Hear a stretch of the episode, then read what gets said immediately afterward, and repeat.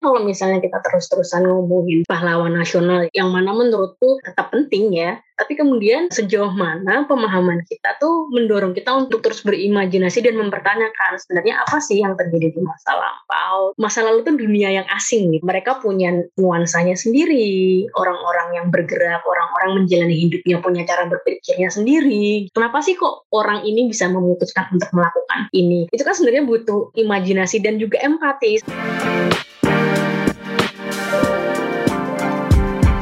Hai sahabat TCID, kalian sedang mendengarkan podcast Suara Akademia, ngobrol seru isu terkini bareng akademisi. Pada episode khusus Hari Pahlawan ini, kami ngobrol dengan Yunika Dharma, mahasiswi PhD Northwestern University di Amerika Serikat tentang bagaimana politik kepahlawanan mengabaikan peran besar masyarakat biasa dalam sejarah. Dari pengalaman warga dan perempuan sepanjang era kolonial dan kemerdekaan, penentuan pahlawan di masa Soekarno dan Orde Baru, serta langkah ke depannya supaya kita mengingat sejarah dengan lebih kaya.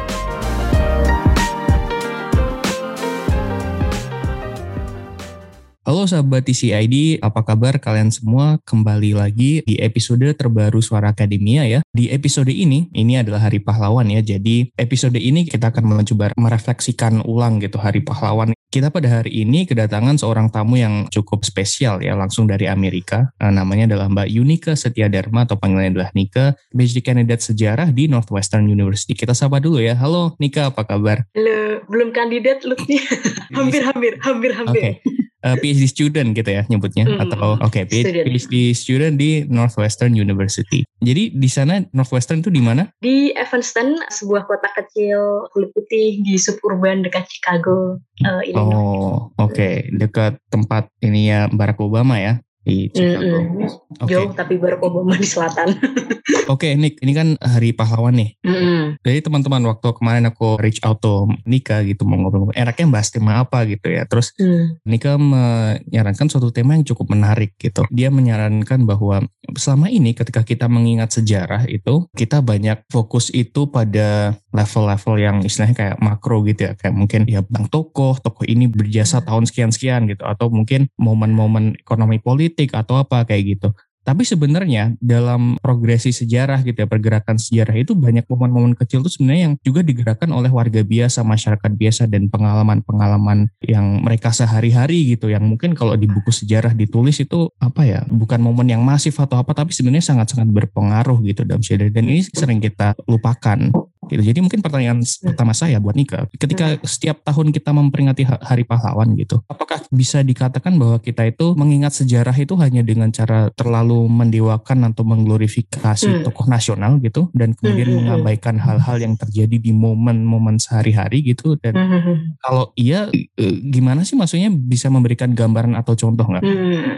Sebenarnya mungkin kata yang paling tepat bukan mengabaikan ya, tapi memang karena hmm. saking familiarnya dan sangat terlalu familiar lah buat kita sehari-hari. Jadinya ya itu lewat aja gitu. Itu kayak gampang aja lewat. Kita kan kadang-kadang suka apa ya taking for granted gitu lah hal-hal yang hmm. familiar di sekitar kita gitu Nah, sama juga sebenarnya ketika kita ngomongin uh, Hari Pahlawan itu kan 10 November itu kan sebenarnya awalnya uh, Soekarno mengesahkan tanggal 10 November itu kan untuk menghormati, menselebrasi veteran-veteran perang di 10 November uh, 45 kalau nggak salah 46 gitu. Apalagi dengan Bung Tomo yang waktu itu sebenarnya sedang berperang dengan orang Inggris, uh, tentara Inggris yang kembali Battle lagi. Surabaya ya ini. Ya, Battle of Surabaya yang datang ke Surabaya sebagai bagian dari uh, aliansi the hmm. perang apa allies gitu ya perang dunia kedua. Sekutu sekutu. Di perang dunia kedua. Nah permasalahannya perang Battle of Surabaya itu perang Surabaya itu tuh sangat violence dan itu tuh kota Surabaya dibombardir berkali-kali dan yeah. akhirnya perjuangan ya beberapa orang uh, kelompok muslim juga di Surabaya itu beneran berdarah-darah dan karena akhirnya banyak veteran perang juga yang kemudian survive dari battle itu Soekarno memutuskan oh ya udah kita merayakan aja 10 November sebagai itu. Dan kemudian tahun 57 keluar dekret presiden yang menyatakan 10 November sebagai hari pahlawan. Kemudian pertanyaannya sebenarnya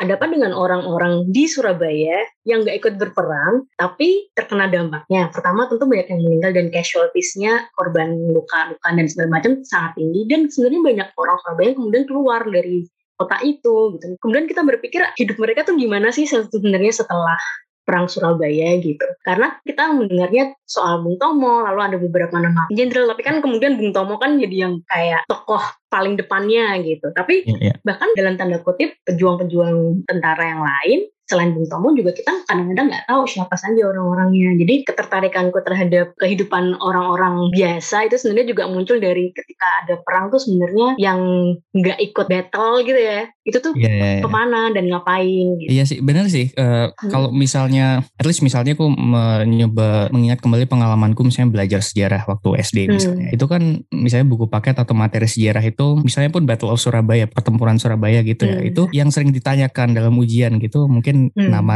nama dan mungkin tahun dan tempat hmm. sebatas hmm. itu kan kayak misalnya hmm. bla bla siapa ini Bung Tomo gitu. Hmm. Bahkan saya saya lebih ingat uh, nama salah satu jenderal yang mati AWS hmm. Malabi atau siapa hmm. gitu. Yeah, ya, ya, Ketimbang yeah, yeah. kayak uh, konteks uh, kotanya atau moments leading hmm. up to itu itu kayak kondisi sosialnya seperti apa itu Hmm. Mungkin kan dampak psikologis dari warfare, uh, displacement hmm. terhadap masyarakat, aku sama sekali nggak ngerti karena nggak diajarin di sejarah. Ya. Hmm. Tapi kalau nama Bung Tomo, hmm. Malabi, hotel apa yang yang perobekan bendera hmm. kayak momen-momen kecil dan tempat dan tahun itu apal semua. Padahal kita untuk get the big picture itu kan harusnya ngerti semuanya gitu ya. Benar benar benar benar benar. Dan sebenarnya kemudian jadi lucu karena 10 November itu ulang tahun mamaku.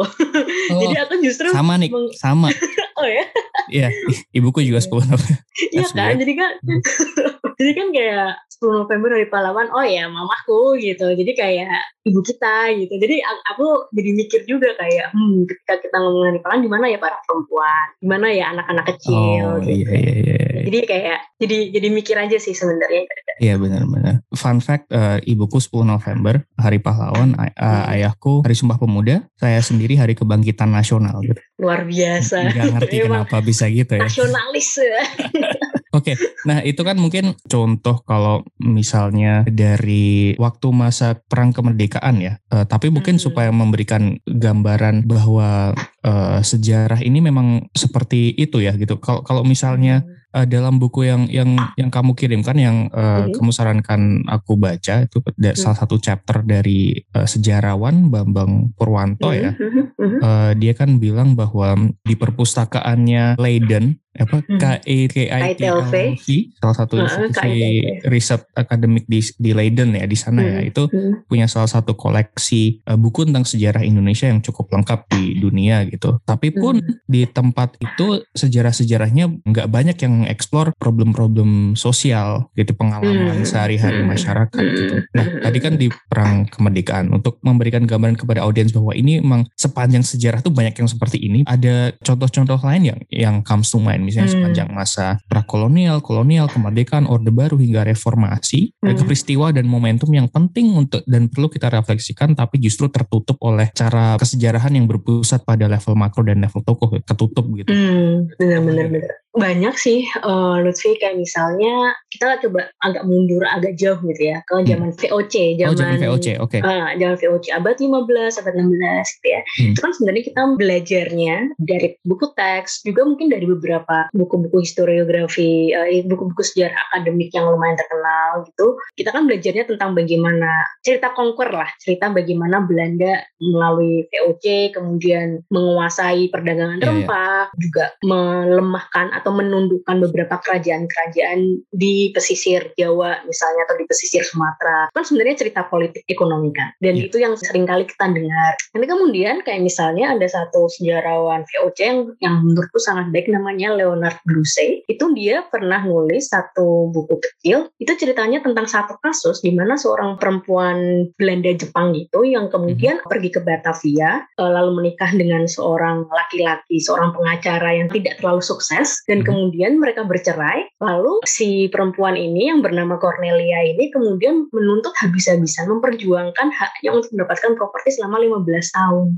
itu satu kasus perceraian yang sebenarnya itu ngomongin soal bagaimana VOC mencoba membuat sistem hukum di Indonesia Jawa lebih tepatnya. Jadi cerita besarnya tentang VOC dan sistem hukum, sistem legal, tapi kemudian Leonard Musi mengangkatnya cerita tentang perempuan yang mati-matian berjuang untuk buat dapetin properti gitu. Yang sebenarnya itu bisa aja dianggap kayak satu cuma satu kasus doang dari puluhan kasus hmm. yang serupa gitu. Jadi itu misalnya satu contoh. Atau itu misalnya, tadi uh, hmm? novel atau enggak itu uh, buku sejarah. Okay. Tapi memang cara berceritanya populer, naratif gitu. Jadi kamu ketika baca tuh nggak kayak baca buku akademik gitu, tapi beneran hmm. kayak baca sastra atau cerita novel gitu. Oke okay, oke okay, nah, oke. Okay. Itu itu misalnya salah satu contoh. Kalau misalnya kita lihat lagi di awal kemerdekaan, ngomongin soal pergerakan uh, nasionalisme, lalu misalnya kebanyakan sebagai contoh jur, para jurnalis Tionghoa misalnya mm-hmm. uh, apa mereka juga berasosiasi nulis di koran, lalu mereka memperdebatkan kita harus mendukung nasionalisme orang-orang pribumi atau Indonesia atau kita juga mau dukung nasionalisme di Tiongkok. Nah, itu kan cerita politik kan jurnalisme Tionghoa di tahun 20-30-an. Tapi tapi ini juga bagian dari risetku, di mana misalnya istri-istri para jurnalis ini gitu, yang sebenarnya sebagian besar dari mereka juga teredukasi dan juga menulis di koran. Karena ternyata banyak sekali perempuan-perempuan Tiongkok yang sering kali itu nggak punya nama, karena mereka nulis di korannya tuh kadang-kadang pakai nama samaran gitu, nama pena, atau pseudonym atau nggak ada namanya sama sekali. Dan mereka lagi ngomongin lu gimana nih? Laki-laki Tionghoa kok ngata-ngatain cara kita pakai baju sih? Atau kok mereka nggak suka sih kita rambutnya pendek? Jadi cerita-cerita yang kayak gitu tuh kadang-kadang suka nggak keluar gitu. Kita kita ngomongin misalnya pergerakan nasionalisme entah itu di uh, komunitas Tionghoa komunitas dia peranakan Arab atau di komunitas pribumi sendiri jadi kayak ceritanya nggak muncul gitu nah itu itu salah, salah satu contoh sih gimana yang sehari-hari itu sering kali terlewat karena kita fokusnya di hal yang besar gitu. Jadi kayak pemahaman sejarah kita selama ini tuh levelnya cukup surface gitu ya. Kayak kita hmm, ngerti lumayan. kayak ya intinya esensinya terjadi seperti ini seperti ini. Mm-hmm. Tapi padahal faktor-faktor yang give rise to those events gitu padahal kan sebenarnya problem-problem pengalaman kecil yang nggak tadi um, Nika bilang ya tadi di kasus jurnalisme Tionghoa atau Chinese Indonesians mm. atau mungkin mm. yang tadi kasus di VOC yang oke okay, ada masalah pembuatan hukum, penyusunan hukum mm. dan lain-lain tapi sebenarnya yang nuances kecil-kecil itu paling bisa dirasakan dari misalnya pengalaman seorang perempuan yang mencoba mendapatkan properti dan lain-lain gitu kayak ini membuat kita miskin akan kompleksitas sejarah Indonesia gitu persis, atau setidaknya nggak lengkap gambaran kita gitu ya hmm, menurutku sih iya ya dan sering kali kalau aku boleh bilang ada bias gender juga menurutku karena oh, okay. kembali lagi kan kayak misal cerita tentang Cornelia abad 16 gitu misalnya hmm. itu kan cerita seorang perempuan kemudian ketika meneliti soal jurnalisme Tionghoa dan segala macam itu kan cerita sehari-harinya muncul dari juga pengalaman seorang perempuan yang nggak terima gitu kalau laki-laki yeah. atau suaminya protes tentang baju yang dia pakai gitu. Jadi kembali lagi kan walau terlepas dari bahwa kita pun mengkanonisasikan nama-nama perempuan ya misalnya kayak nyanyi mengkanonisasikan tuh menetapkan sebagai menetapkan gitu ya. benar uh, memilih ya. siapa nama yang pantas untuk jadi pahlawan nasional itu kan ada lah nama-nama perempuan yeah. yang tapi di sisi yang lain ketika posisi perempuan atau bahkan anak kecil gitu yang dalam tanda kutip inferior dibandingkan dengan laki-laki in a way mm -hmm. gitu dan mereka adalah orang-orang yang dalam tanda kutip lebih sering berada di ruang domestik, di rumah, di hmm. pasar, di lingkungan tetangga di kampung gitu kan. Ya ceritanya nggak keluar kalau orang nggak bener-bener mencari tahu gitu. Karena ya gitu kembali lagi terlalu familiar gitu. Lalu bedanya cerita mereka dengan cerita kita sekarang di kehidupan sehari-hari apa gitu? Kayak rasanya berarti kurang epic gitu ya. Iya kurang epicnya. Karena ya gitu namanya juga slice of life gitu kan irisan kehidupan gitu. yeah, yeah. jadi ada banyak hal yang familiar gitu oke okay, oke okay. saya mau nyempilin satu pertanyaan dikit nih di hmm. tadi kan kita bahas bagaimana yang buku dari Leonard siapa tadi Blue dan Blue hmm. it reads like narrative novel gitu ya. Dan hmm. ini juga salah satu yang dibilang oleh Bambang Purwanto dalam buku yang kamu hmm. sarankan juga bahwa justru ketimbang di buku sejarah, buku sejarah yang resmi atau, atau hmm. maksudnya dokumen sejarah gitu, banyak gambaran pengalaman masyarakat. Kayak misalnya yang waktu itu dia kasuskan di Jakarta, lebih banyak tertuang dalam karya sastra, ya, novel, hmm. puisi dan lain ketimbang dokumen hmm. kesejarahan gitu. Bisa hmm. kasih gambaran nggak ke pendengar kita nih? Aku pikir Pak Bambang ngomong itu nulis seperti itu karena karena ada permasalahan teknis di situ pertama, yaitu permasalahan sumber. Pertama, orang-orang biasa tidak selalu menulis dan kebanyakan juga apalagi di era kolonial tidak semuanya melek huruf gitu, tidak semuanya literate hmm. lah. Jadi memang rekaman tentang kehidupan sehari-hari itu sangat distorted gitu ya. Entah itu dituliskan oleh jurnalis atau penulis yang emang educated, teredukasi dan bisa menulis, yang mana itu sangat kecil porsinya dan hanya bisa dinikmati oleh kaum kelas menengah ke atas. Nah, dan akhirnya ketika kita mencoba untuk melihat, oh ini loh kehidupan orang sehari-hari berdasarkan perspektif mereka, itu kemudian jadi sangat sulit karena kan kembali lagi ada distorsi produksi arsip itu sendiri gitu. Gimana tuh maksudnya distorsi arsip jadi, produksi? Iya, jadi ketika arsip itu diproduksi misalnya jurnalis nulis di koran hmm. atau novelis nulis ya nulis novel, penulis nulis novel atau ya siapa pun lah orang-orang yang punya akses terhadap media itu menulis hmm. itu kan mereka menulis di posisi mereka kan menurut pengalaman mereka berdasarkan okay. observasi mereka tentang orang lain gitu kadang-kadang mereka ngomong tentang dirinya sendiri. Jadi ketika kita mau mengakses kehidupan orang-orang biasa ini, itu kan sudah melewati filter penulisnya gitu. Jadi ketika kita baca koran, misalnya di koran ada cerita tentang seorang suami yang selingkuh gitu, terus masuk koran gitu. Itu kan sebenarnya udah lewat filternya jurnalisnya atau penulis beritanya. Dan kadang-kadang kita nggak bisa mengklarifikasi pertama apakah kejadian itu beneran ada, karena kadang-kadang misalnya di arsip resmi pemerintah misalnya juga nggak ada ada rekaman itu gitu. Dan kadang-kadang sulit sekali melacak siapa orang yang ditulis oleh uh, jurnalis itu gitu. Siapa nama suaminya, siapa nama istri itu kadang-kadang juga nggak keluar. Gitu. Jadi ada kesulitan di arsip sehingga sejarawan tidak bisa mengarang kan sejarawan kan harus okay, memang berdasarkan okay. arsip sesungguhnya jadi nggak nggak bisa kita memunculkan cerita utuh yang cuman misalnya arsipnya cuman satu lempingan koran aja gitu jadi kayak, nah, kayak news report atau feature di koran tuh nggak bisa dijadikan bahan bahan dokumentasi sejarah resmi gitu ya?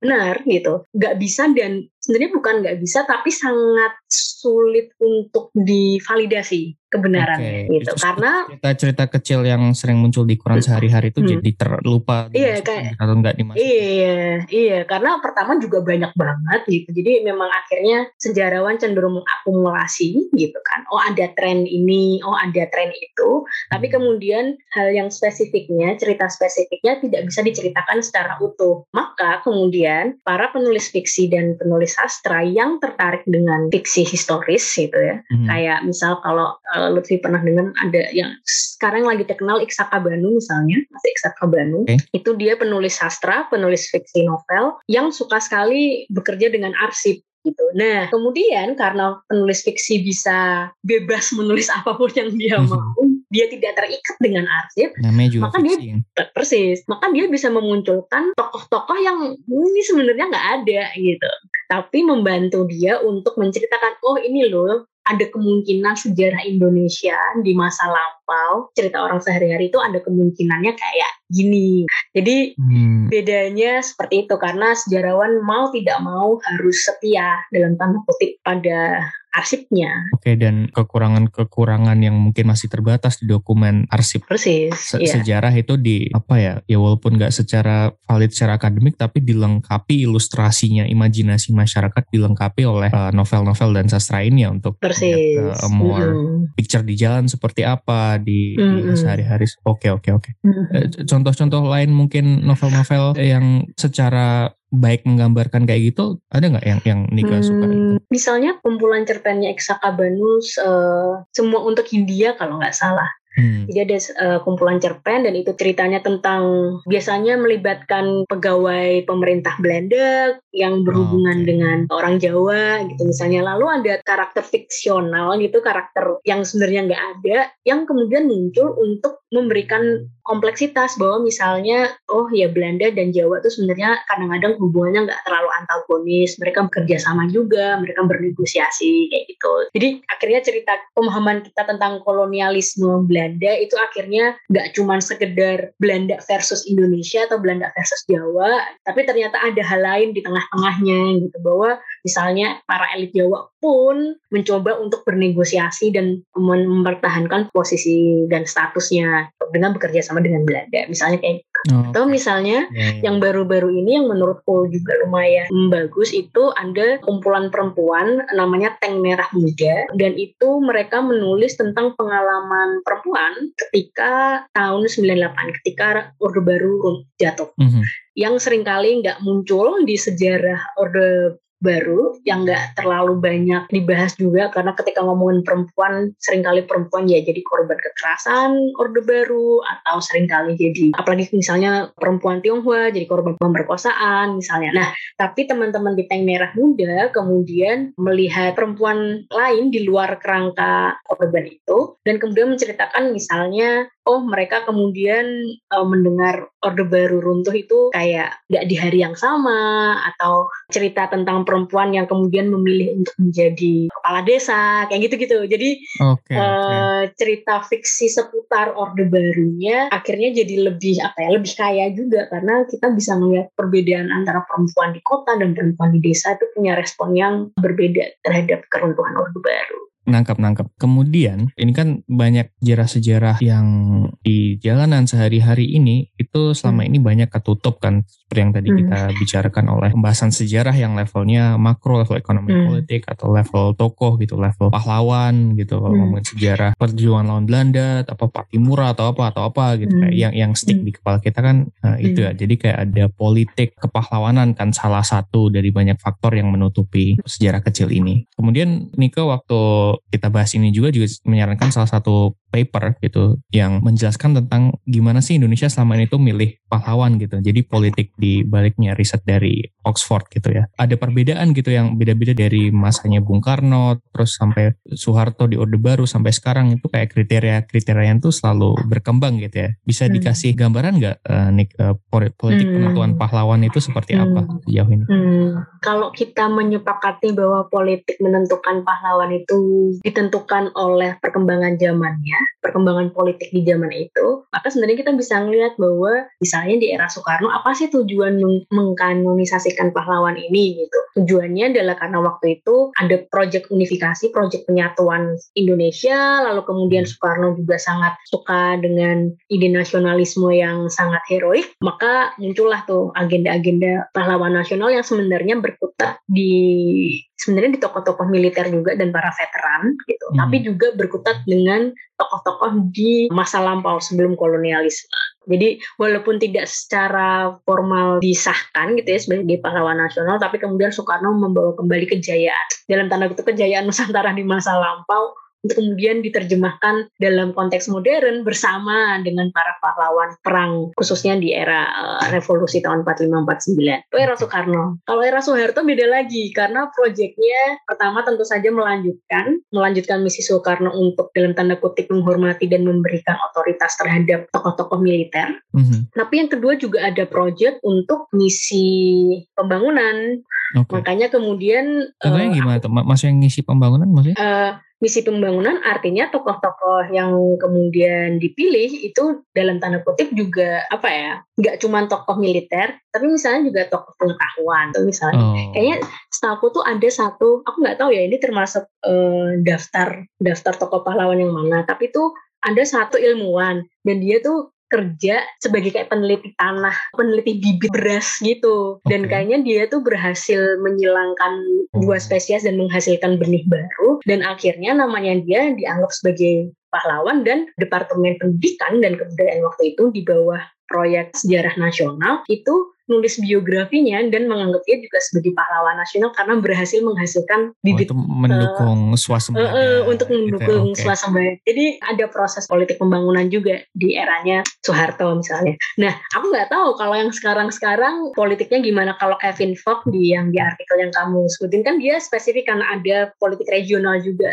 di situ yeah, gitu yeah, bahwa yeah. tokoh-tokoh di luar Jawa pun ingin menjadi bagian dari satu list panjang siapa itu pahlawan sepanjang selama waktu itu banyak pahlawannya banyak yang di Jawa terus persis persis gitu ya? okay. persis persis jadi ada sebenarnya ada usaha dalam tanda kutip inklusivitas in a way gitu. Tapi di sisi yang lain juga kayak hmm gitu, gitu. Kita gimana yang memposisikan supaya tetap kritis terhadap proyek pahlawan ini karena kemudian akhirnya sebenarnya mempertanyakan juga misalnya tokoh pahlawan Papua misalnya kan hmm. kita tahu yang waktu itu sempat ada kontroversi yang soal mata kertas mata uang kemudian ada tokoh Papua yang sepuluh ribu ada tokoh Papua di situ itu kan itu itu aja udah kontroversial atau misalnya kayak Rohana Kudus jurnalis perempuan pertama hmm. itu baru disahkan menjadi pahlawan baru dua tahun yang lalu gitu. Dua atau tiga tahun yang lalu jadi memang ada proyek inklusivitas, tapi di satu sisi hmm, gimana ya kita, uh, aku aku juga masih membayangkan apa apa yang harus di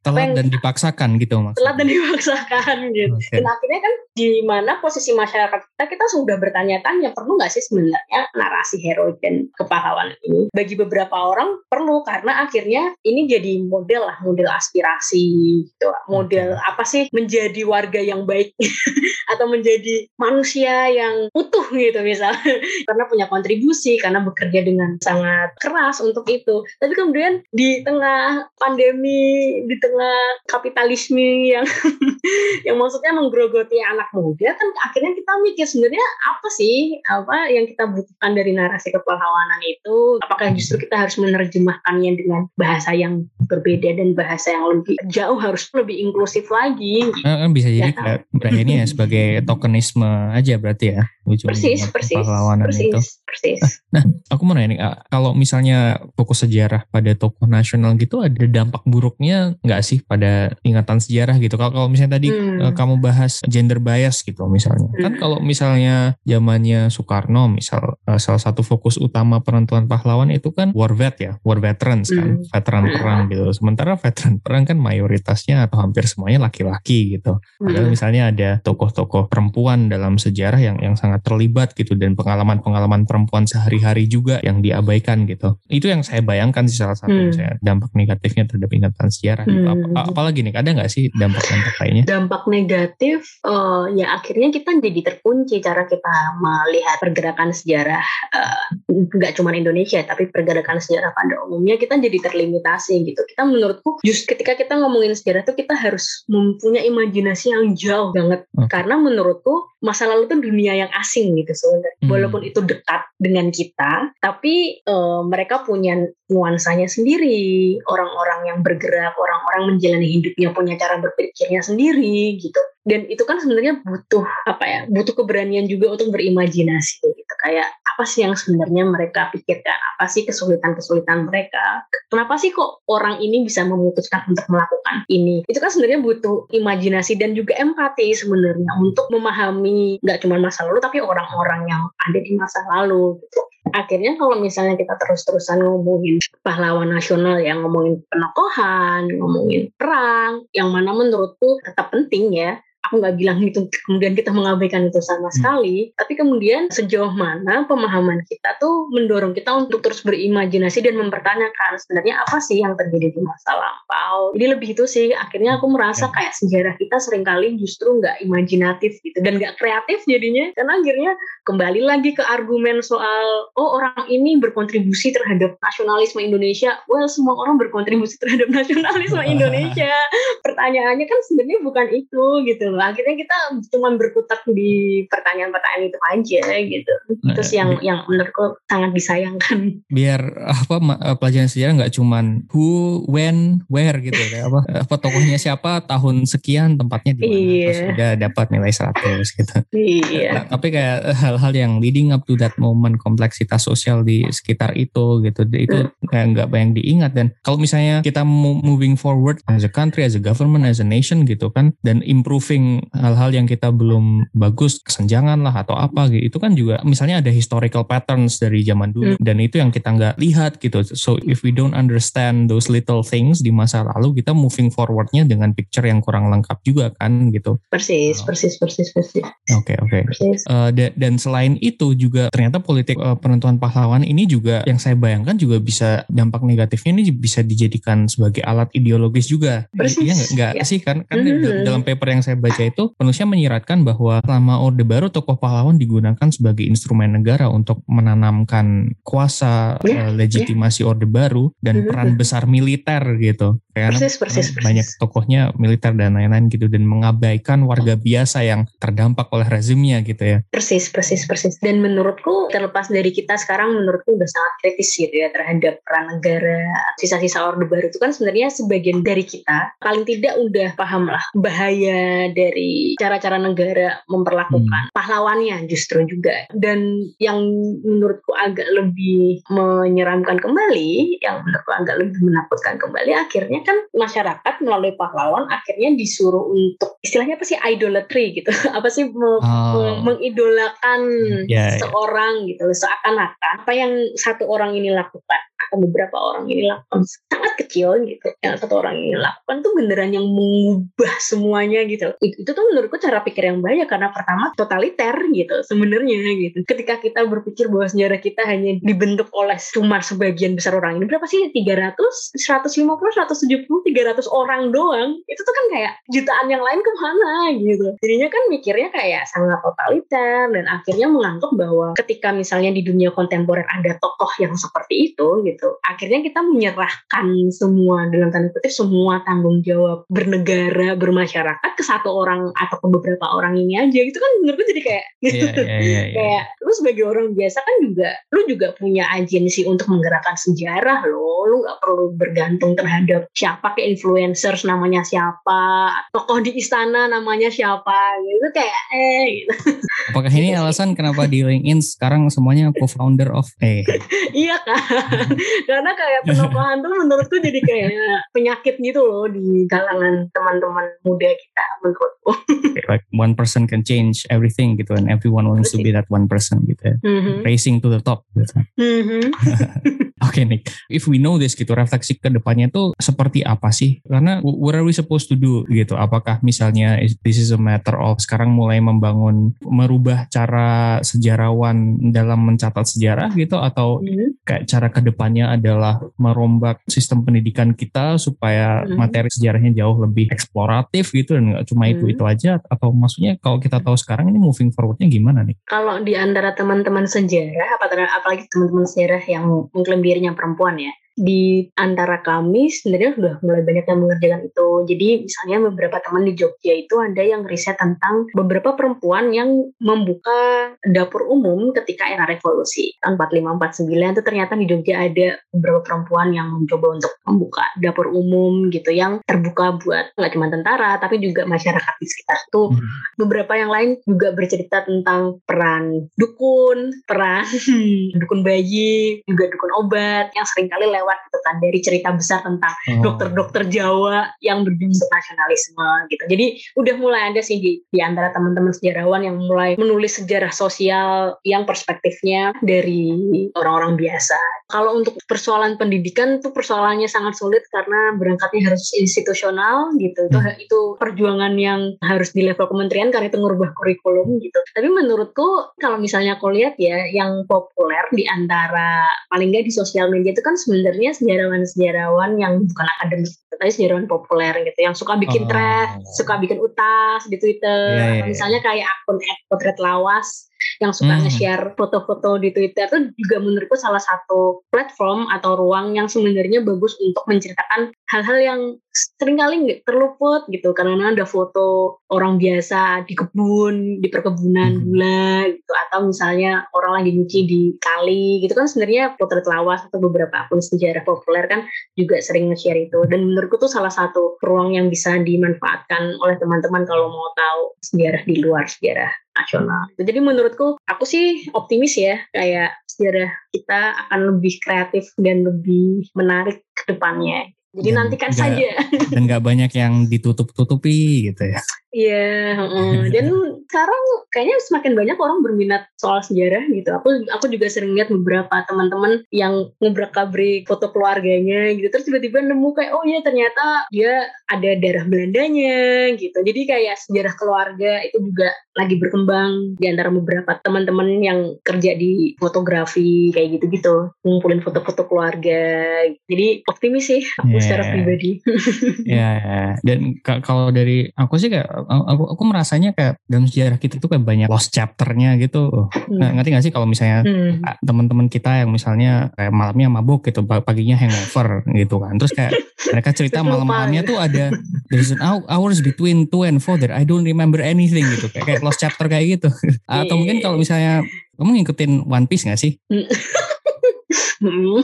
nah kan buat teman-teman ikut One Piece tuh kayak di di sejarahnya tuh ada satu abad tuh hilang dari sejarahnya mm, terus kayak mm. itu kadang yang yang aku ngerasain di dalam sejarah kita tuh ada mm. kayak lost century atau lost chapternya mm. gitu yang membuatku sebagai warga negara kayak I, I don't know my own country's history gitu yang, yang yeah, kemudian yeah, minat yeah. itu muncul gitu yang aku bayangkan yeah, yeah, juga yeah. yang terjadi di banyak orang juga gitu. Mm, Dan makanya kayak untukku beberapa orang tuh semangat atau kayak passionate gitu nyari tahu uh, beberapa di beberapa kota komunitas ada beberapa komunitas-komunitas sejarawan yang mereka hmm. menelusuri oh sejarah kota kita gimana sih terus mereka jalan-jalan gitu terus oh, lihat iya, oh di iya, sini iya. dulu ada kampung ini jadi kayak iya sih ada, aku, ada tur-tur yang sekarang ada tur-tur gitu ya. hmm. iya sih aku pikir kehausan akan sejarah tuh besar sekali gitu di masyarakat karena kita tahu kita pernah dibohongi gitu jadi kayak kita nggak mau lagi dibohongi jadi kayak very good thing sih menurut. Oke okay, oke. Okay. oke okay, itu tadi uh, teman-teman diskusi dengan uh, Nika Setia Dharma dari Northwestern. Makasih banyak loh Nick udah menjelaskan kasih, banyak hal menarik ya. Dan ternyata sejarah itu suatu yang kompleks dan kaya dan sangat-sangat menarik gitu. Dan mungkin apakah itu Nika alasan belajar sejarah sampai S3 gitu mungkin karena sebelumnya nggak gue sejarah oh. Oke oke.